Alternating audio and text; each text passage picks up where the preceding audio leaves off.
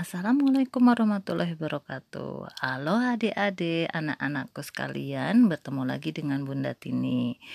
Bunda Tini akan bercerita tentang hmm, Tenenenet. Kembali lagi dengan Bunda Tini yang hari ini Bunda Tini akan membacakan buku cerita Muhammad Teladanku eh, buku yang ketiga Nah, di buku yang ketiga itu di halaman 2 ada cerita tentang Ali bin Abu Talib.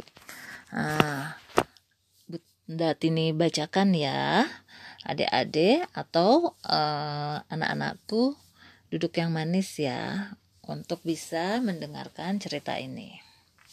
Cerita tentang Ali bin Abu Talib. Adik-adik, nah, ada penghuni laki-laki di dalam rumah tangga Muhammad Rasulullah yang penuh berkah ini. Dia adalah Ali bin Abi Thalib. Mulanya Ali tinggal di rumah ayahnya. Namun pada suatu saat Mekah dilanda musim paceklik, kekeringan uh, yang mengganas dan membuat kehidupan menjadi bertambah sulit. Abu Talib yang hidup sederhana sangat merasakan keadaan ini. Apalagi Abu Talib memiliki banyak putra yang harus diberi makan. Melihat hal itu, Muhammad Rasulullah mengajak Abbas dan Hamzah, adik-adik Abu Talib, untuk memelihara putra-putra Abu Talib. Abbas dan Hamzah setuju dengan usul yang mulia ini. Mereka bertiga pun menemui Abu Talib. Abu Talib hanya pasrah bercampur lega. Dia memperbolehkan kedua adiknya dan Nabi Muhammad untuk mengasuh anak-anaknya.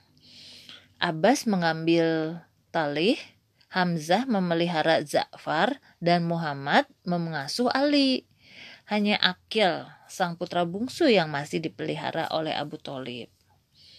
Saat tinggal di rumah Muhammad, Ali berumur 5 atau 6 tahun. Dia anak yang sehat, kulitnya agak kecoklatan, tubuhnya gempal dan tegap. Sorot matanya tajam, jika tersenyum, giginya tampak putih berseri. Tindakan Muhammad ini dilakukan untuk membalas budi uh, Abu Talib yang tidak terhingga, yakni telah memelihara beliau sejak kakeknya Abu Muthalib wafat. Selain itu, Muhammad juga ingin mencurahkan kasih sayang kepada seorang anak laki-laki sebagai pengganti kedua putra beliau, Qasim dan Abdullah. Di bawah asuhan Nabi Muhammad, Ali bin Abu Thalib tumbuh menjadi seorang yang berkebadian luhur. Kemudian ia menjadi menantu Rasulullah dan mempunyai dua orang putra yang terkenal dalam sejarah Islam, yaitu Hasan dan Hussein. Rasulullah amat menyayangi kedua cucu ini.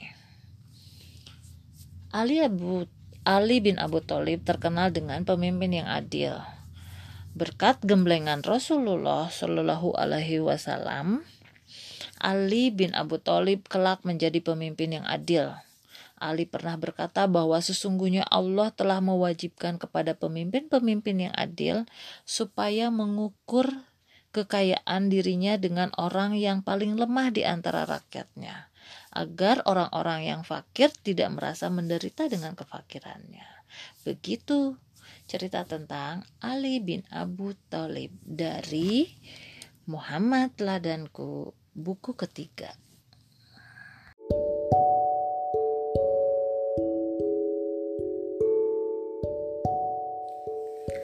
Nah, itulah cerita untuk hari ini. Semoga kita bisa mengambil ibrah atau pelajaran dari cerita-cerita ini. Sampai jumpa di cerita berikutnya. Assalamualaikum warahmatullahi wabarakatuh.